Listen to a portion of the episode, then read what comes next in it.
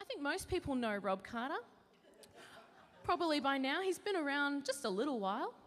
Um, so, Rob, we're going to pray for you and you can take it away. Awesome. So, Father God, thank you for, for Rob. Thank you for all that he has put together and prepared to share, the things that you have put on his heart that he's put language to, to bring this morning.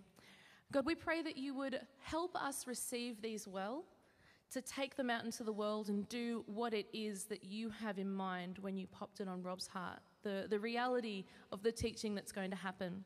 So bless him as he shares, bless us as we listen. And thank you for all that you're doing in our lives today. Amen. Thanks, Rob. Thank you, Joe. I was doing quite a bit of shuffling while the praying was taking good effect upon me, I hope. Thank you for that. Thank you.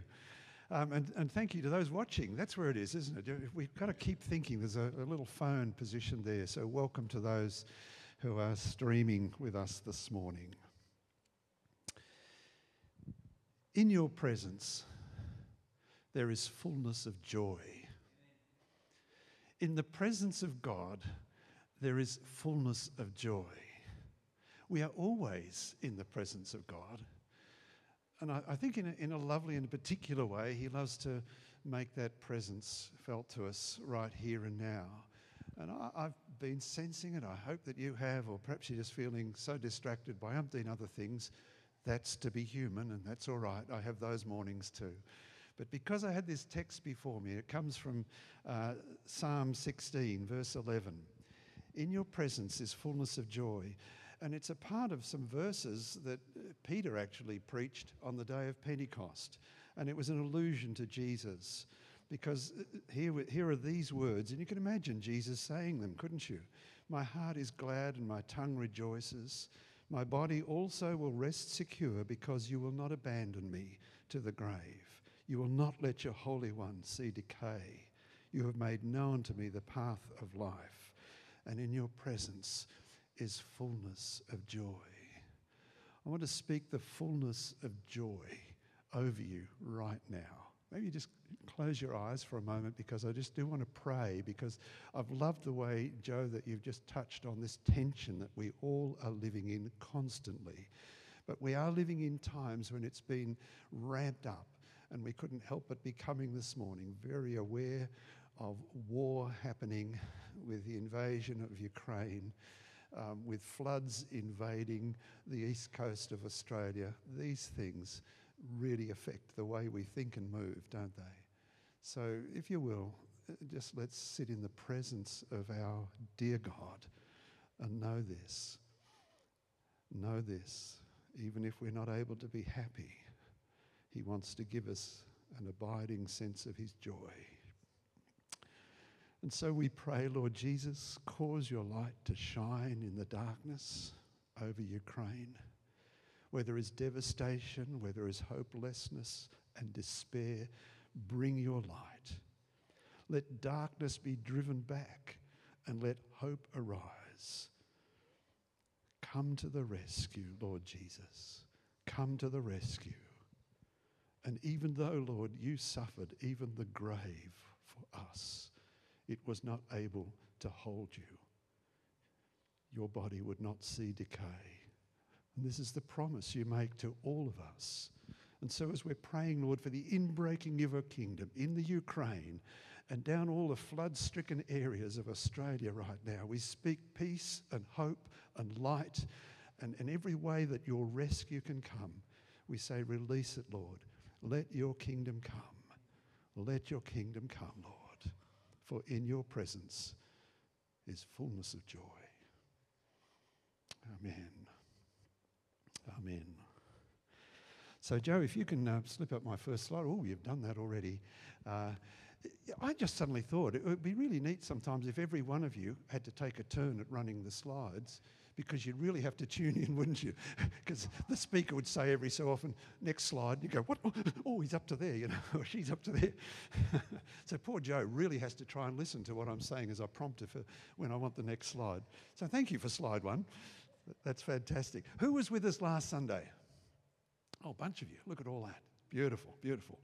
Well, for those at home and, and those who are continuing to watch from home or just tuning in and you weren't with us uh, last Sunday, Di spoke about the importance of seeing his way. That is, seeing things, seeing the world God's way, through his lens, through his perspective. She reminded us that the way we see things is governed by our worldview, which is just a little buzzword to say your view of the world. uh, it's the lens through which we view the world, it's, it's the lens through which we see circumstances. And the worldview, or another word for it is a paradigm perhaps, by which we perceive and understand, is shaped by our life's experiences. All the things we've learned to this point, be it through formal teaching, whether it be what you imbibe through your family, things you've simply picked up along the way, shape your worldview, how you see things. And Di told us that we can anticipate a series coming up on the gifts of the Spirit. I think that's coming next. I'm not sure if it's next week or just a bit next. And next term, really looking forward to this, a series on the book of Revelation. And then she offered a few books that could help us more readily see things God's way with the inexplicable, the unusual, the supernatural, reading that might help adjust our lens if and where needed, and so be able to see things from the perspective of heaven. And that's our quest, I think. One of the quests we have in this life is to be able to say, Lord, help me. Help me as I walk through this life to be seeing more the spiritual realities of what's going on around. And I pointed to an account in Acts 28 where Luke recognized the Spirit at work, seeing things God's way from heaven's perspective. Do you remember the story? In protecting Paul from a venomous snake. Whereas the people on Malta concluded that Paul must have been a murderer to have a, a snake suddenly attached to his hand. And then, when he was unaffected by the bite, then he must be a god. So they went from here to here. Big perspective change right there. But of course, Luke was writing from a perspective of heaven, and he just saw that God had protected his servant Paul in that moment. The book of Acts, as you know, penned by Luke and referred to as the Acts of the Apostles, I've always thought might be better named um, the Acts of the Holy Spirit through the Apostles, but then that's a bit long, isn't it? So sometimes you just come back to Acts. just Acts. Great lot of Acts in there, though. My point is that Dr. Luke was writing as an observer. He was writing an account of what happened when the Holy Spirit came upon people. In some instances, he notes how the recipients were affected in the moment. That there was wind, tongues of fire. This is on the Pentecost experience. In a number of instances, they spoke in other languages in the moment. But special attention, I want to suggest to you, special attention is given to the consequences, what resulted from the Spirit coming upon people.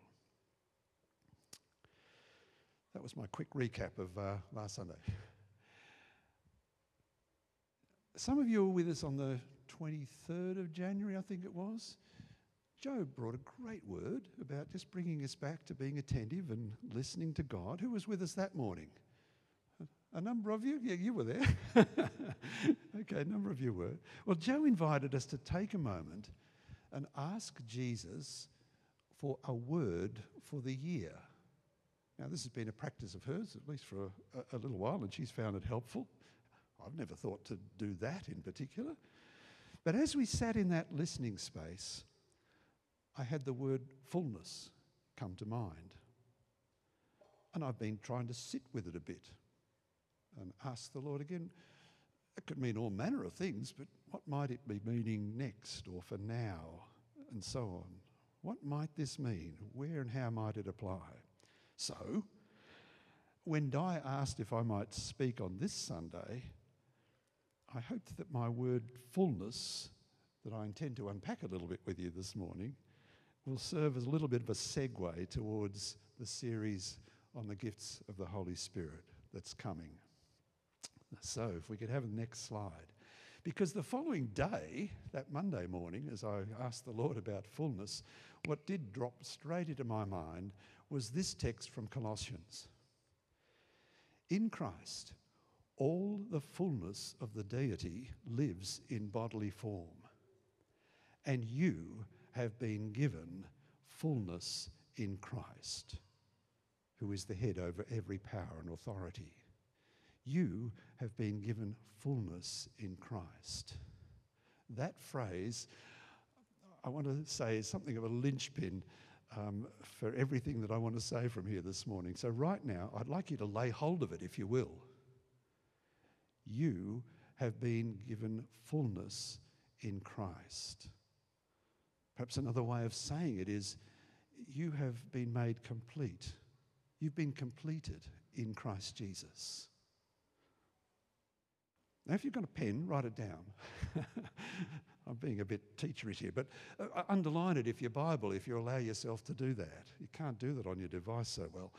Even personalize it in this moment, if you will, if you just shut your eyes for a minute and say to yourself, I have been given fullness in Jesus. I've been made complete in Him. I'm laboring this because, as a believer, as someone committed to Jesus, there is nothing you need beyond Him. There is nothing you need beyond Jesus. Positionally, at least, you're standing, at least, you are complete. You have right standing before Father because having believed, you've received fullness, made complete, made to look like the Son already before Father. Now, just a brief little aside here. Since a text out of context can become a pretext, as somebody cleverly said, um, it's understood that Paul was addressing some early Gnostic notions that were impacting the Colossian church. And we think that's one of the triggers, if you like, the things that occasioned this letter. In particular, the notion that the physical world was inherently evil, which included our bodies. So it was being said into the Colossian church, this bad word coming, while Jesus appeared in human form, he was in fact a phantom. He just appeared to look like one, but he didn't actually have a physical body as we do. And we understand the Colossian church was written to refute such heresy, making it clear that God was pleased to have all his fullness dwell in Jesus in bodily form. Colossians 1:19 says that. And that his physical death and resurrection it's that that makes it possible for us to receive the fullness that becomes ours in Christ Jesus. If he didn't actually die, if he wasn't a physical body that was laid down and then raised again, we'd still be living vainly, hoping for something. But he has. He is and he has been. And this is the hope and the confidence that we have in him. Is that okay? I just want to sort of labour or push that out a little bit more with you. So here's what I want to do I want to identify two aspects of the Spirit's activity when He comes upon people. That's my next slide. Thanks, Joe. Two aspects. There is a fullness that is felt, that is the experience of the recipient, the recipients. And then there's a fullness that forms or fashions. I'm just trying to use a bunch of F's here to help us hold on to it. There's a fullness that forms or fashions. That is, it's the outworking of the Spirit in your life for the recipients, for observers who see it happening to you or in you, or they say, There it is. It's for their benefit, and it's for the benefit of those who might be getting ministered to or prayed for. It's, it's an all rounded thing, this thing of the fullness that forms or fashions us in this way. I'll say a bit more. But the first thing, here's the, here's the next slide. Thanks, Joe. The fullness that is felt. When the Holy Spirit comes upon us in the first instance to ignite faith so that we're born again, as Jesus said we needed to be of the Spirit, as varied as our experience of that moment might be, it will be good because God is good. And any and every subsequent experience of the Spirit's infilling will only be a good and a positive experience. Sometimes people get a little bit nervous when we've sort of been formed and shaped, and our worldview is very much a, a head and an intellectual thing, that we kind of accept the truth of what's said and, and say, I believe it. But some get a little nervous about the whole thing of experience generally. And, and people having experiences, well, that's your experience, but that's a little weird to me. I understand why it can be like that. But I believe that the, the Lord does mean to visit us in a way that as we experience one another, as we experience friendship, it's not just something that we say, Oh, I'm your friend. It's a matter of fact. you won't feel it though from me. That'd be crazy. So, relationships are like that. And, when we talk about a relationship with God, we anticipate that, yes, some way or another, I will know. I will know that He loves me. I will know in my knower that this is really, really true, not just something I'm hoping that it might be true because he wants to touch us and, and have us know deep within that this is reality. So some of us are real feelers, touchy feely, and I'm accused of that. But, but some of us are real touchy feely people by nature, well, others are not. And so your experience doesn't have to be mine or mine yours. For some of us, emotions are more readily triggered. I mean, I, I, get a tear in my eye if, if, if, Lassie gets a thorn in her paw. But, uh, you know, movies can affect people in all sorts of ways, can't they? But that's the difference. But however, however we're wired, we can be confident that any visitation by the Holy Spirit will be for our betterment. He wants to come and meet us and have us taste and see that the Lord is good that He is always ready to fill us and fill us and fill us again with His Spirit, who makes His Son Jesus present to us. That's how I think about the Trinity. That the, Holy Spirit is the person of the Trinity who is making Jesus present to me, and He takes me to take a hold of Father's hand. So it's this dynamic going on all the time. I don't know how you try and think about who you're praying to and how you pray, but uh, I, I tend to mostly pray Father because Jesus encouraged me to do that. But there's plenty of times, oh, Jesus, help me. Um, you, know, you might say, Holy Spirit, help me. Because it's all one, isn't it? But it's whatever language we use is going to be useful here. But taste is experience. You don't have to feel his coming, his infilling in the same way as I might, or as the person sitting next to you might. But as we've been made to experience a range of emotions and feelings, so Father wants us to know His love, not just intellectually as a concept, but experientially, and at least from time to time. Some of us might sort of be say, oh, I'm travelling on and in faith, and I know nothing's changed, and that's good." But I love it when any of us can have that moment of saying, "I felt the presence of the Lord." I just sensed he was with me. Whatever language you're going to use, you just know it's true. So the Father's love for each one of us, you and you and you, there you are. it, it's just the same. I, I love the book of, uh, he wrote a few books in his time and he, he, went home to Father now, but his name is Brennan Manning, um, a Catholic, former Catholic um, monk, because uh, he got married later. But he wrote the book, The Ragamuffin Gospel, which, if you've never read it, it's a great one, still a great one to ever get hold of. And in there, he said, it's as though Jesus was saying from the cross, I'm dying to be with you. I'm really dying to be with you.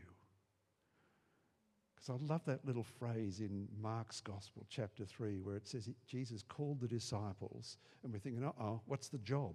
No, he didn't do the job first. He said, I called them that they might be with him and that he might send them out and do these things. Yeah? So, relationship is where Father God starts, where Jesus starts with us.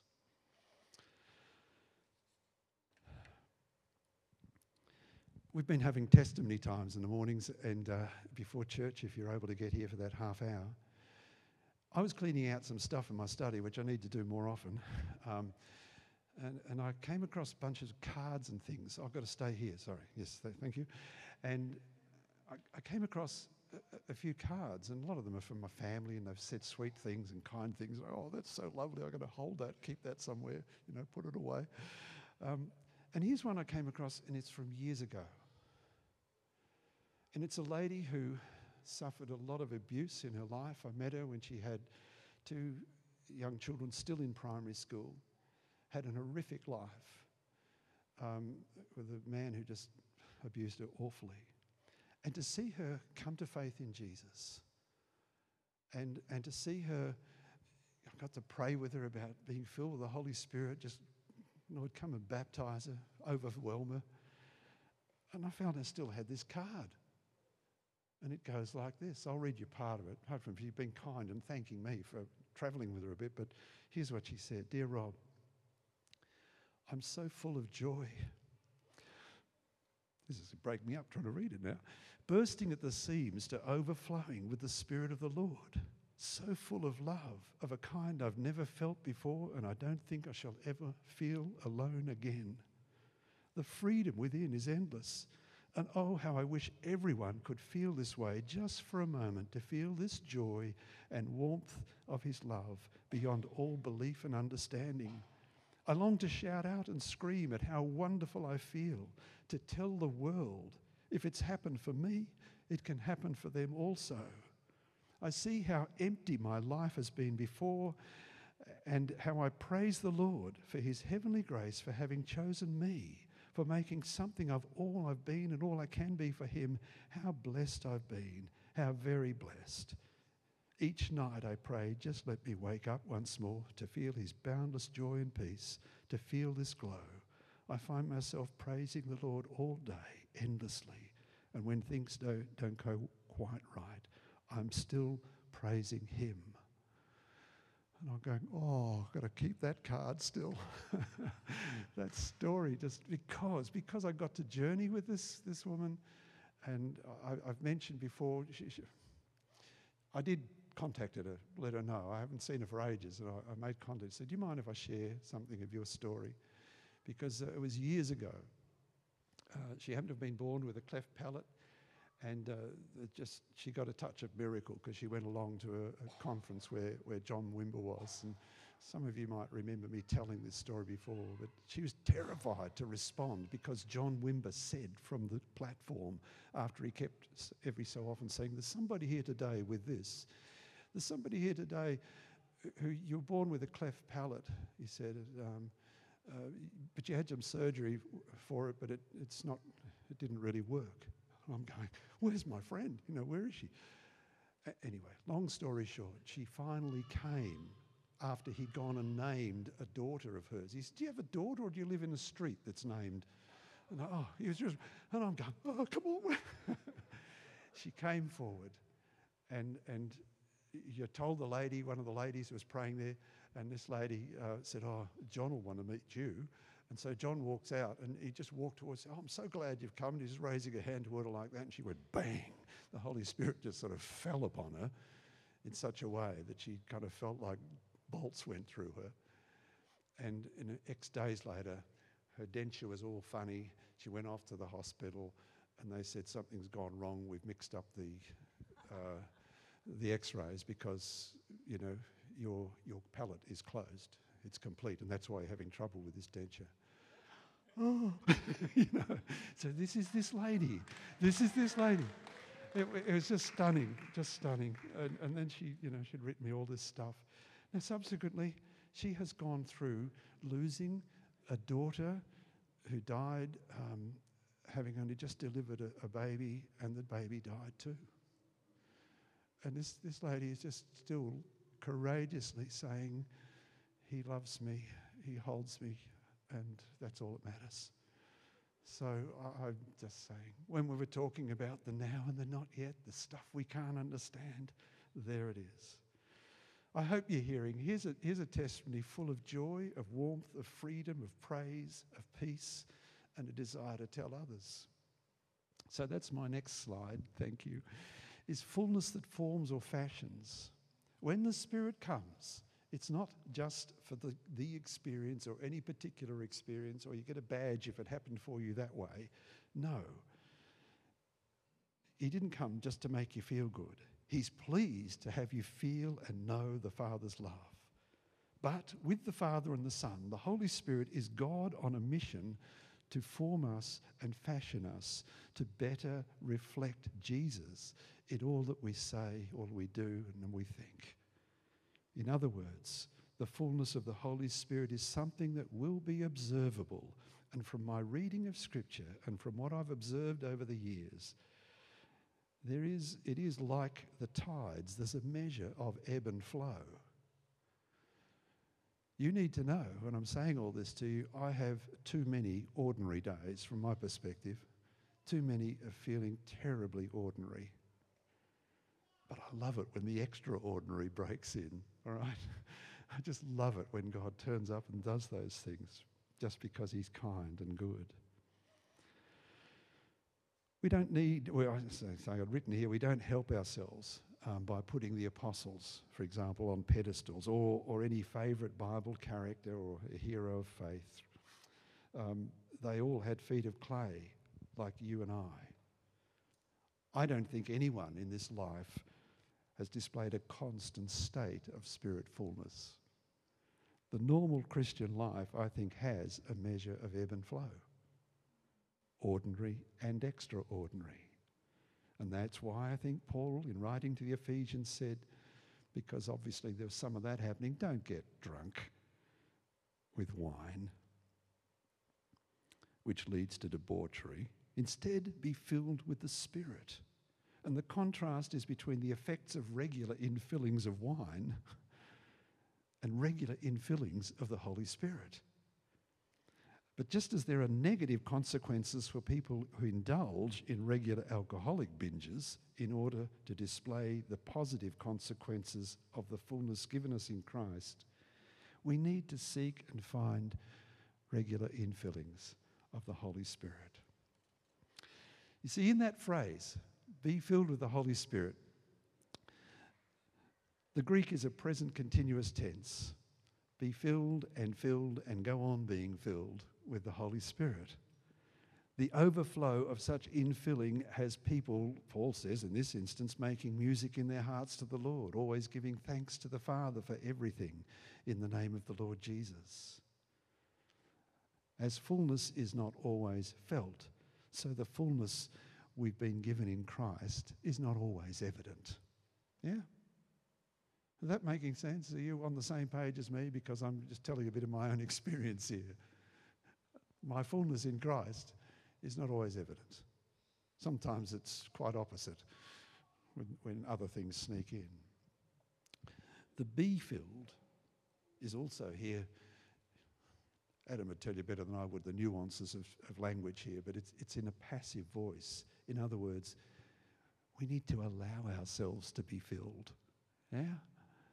It's not like, oh, you want to fill me, God, you can. It's, it's always a matter of be filled, but allow yourself. Put yourself in a place where you're ready to say, Oh God, I need you to fill me. I need you to fill me. I'm ready. So, a personal prayer and quest of mine is this that I be given more flow of the Spirit and less ebb, that I would experience more of the extraordinary.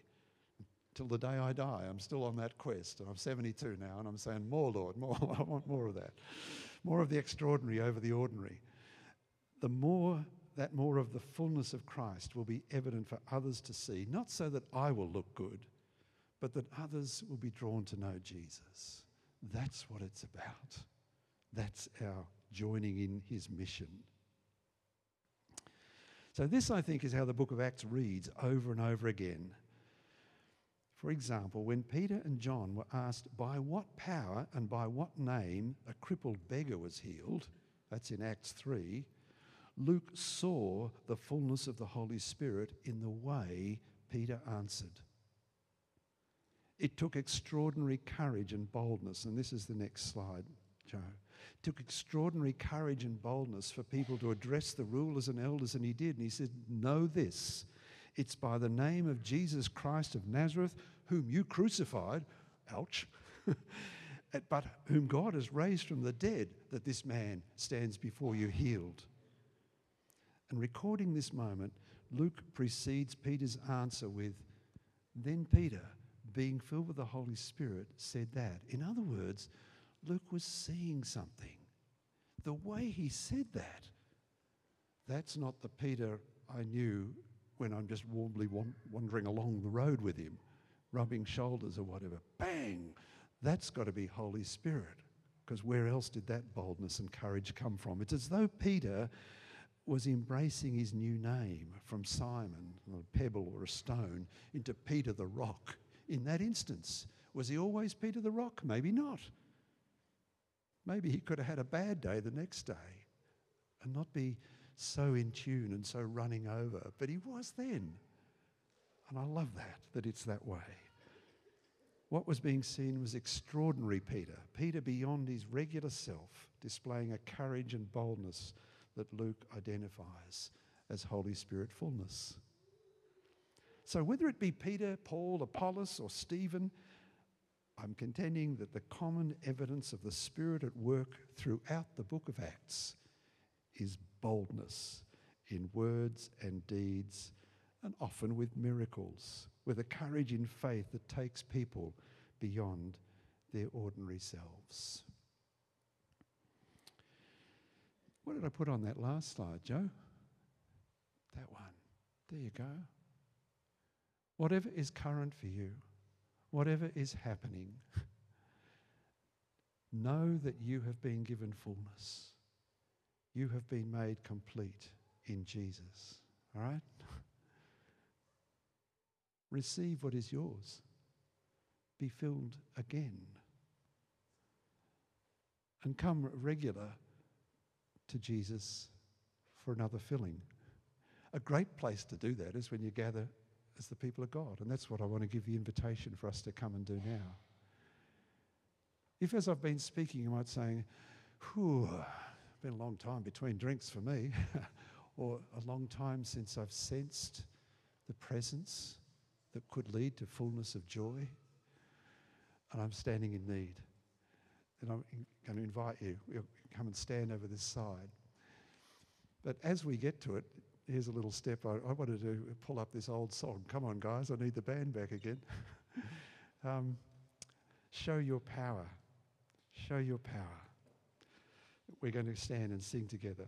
And, and as we come to the end of it, and you're just being sensitive to what the Spirit of God just may be saying to you, it'd be wonderful if we all just ended up over there and we'll all end up praying for one another. But there will be people over here who will pray for at least some of us who might feel this is a moment where I need to respond and say, Lord, fill me, fill me. Today's a good moment to do that. Some of us might be someone like the, the Samaritans in Acts 8 who'd believed the good news about Jesus but had not mm. had the Spirit come upon them. This would be a great moment to be baptized in Holy Spirit. Let's stand together. We're going to sing, and uh, I'll just maybe repeat that invitation as we come to the end of it. Show your power, Lord.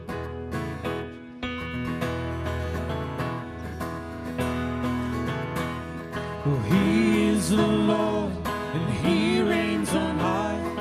He is Lord. Spoke to the darkness, created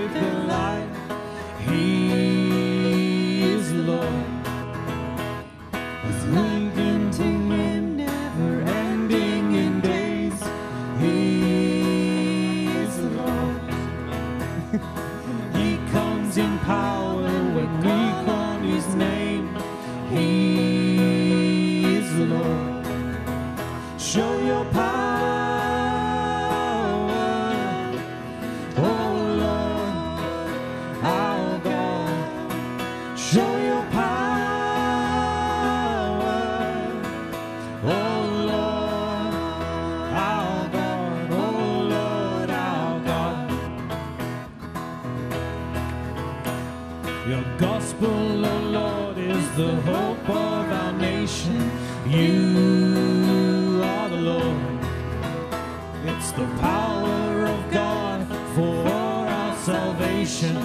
You are the Lord. We ask not for riches, but look to the cross. You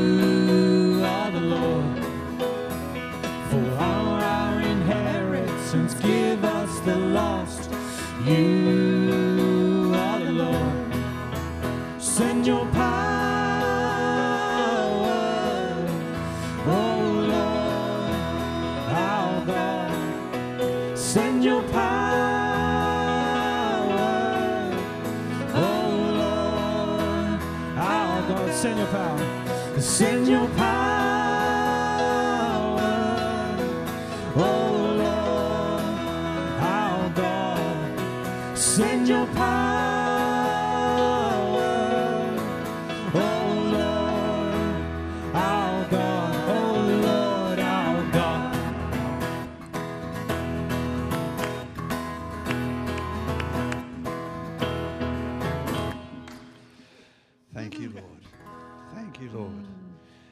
to say to the folks who are watching from home, um, Holy Spirit can come to you just as really as He can come to us here. So I want to bless you with that uh, right now. That where you are, you might just say, Come, Lord. Come. I don't want to be passive about this, Lord. I want to step up and, and say, Here I am. Come and fill me. Renew me with your Spirit. So we say farewell to you. See you next time. And for all others of us, um, let's come and just do this in whatever way is helpful.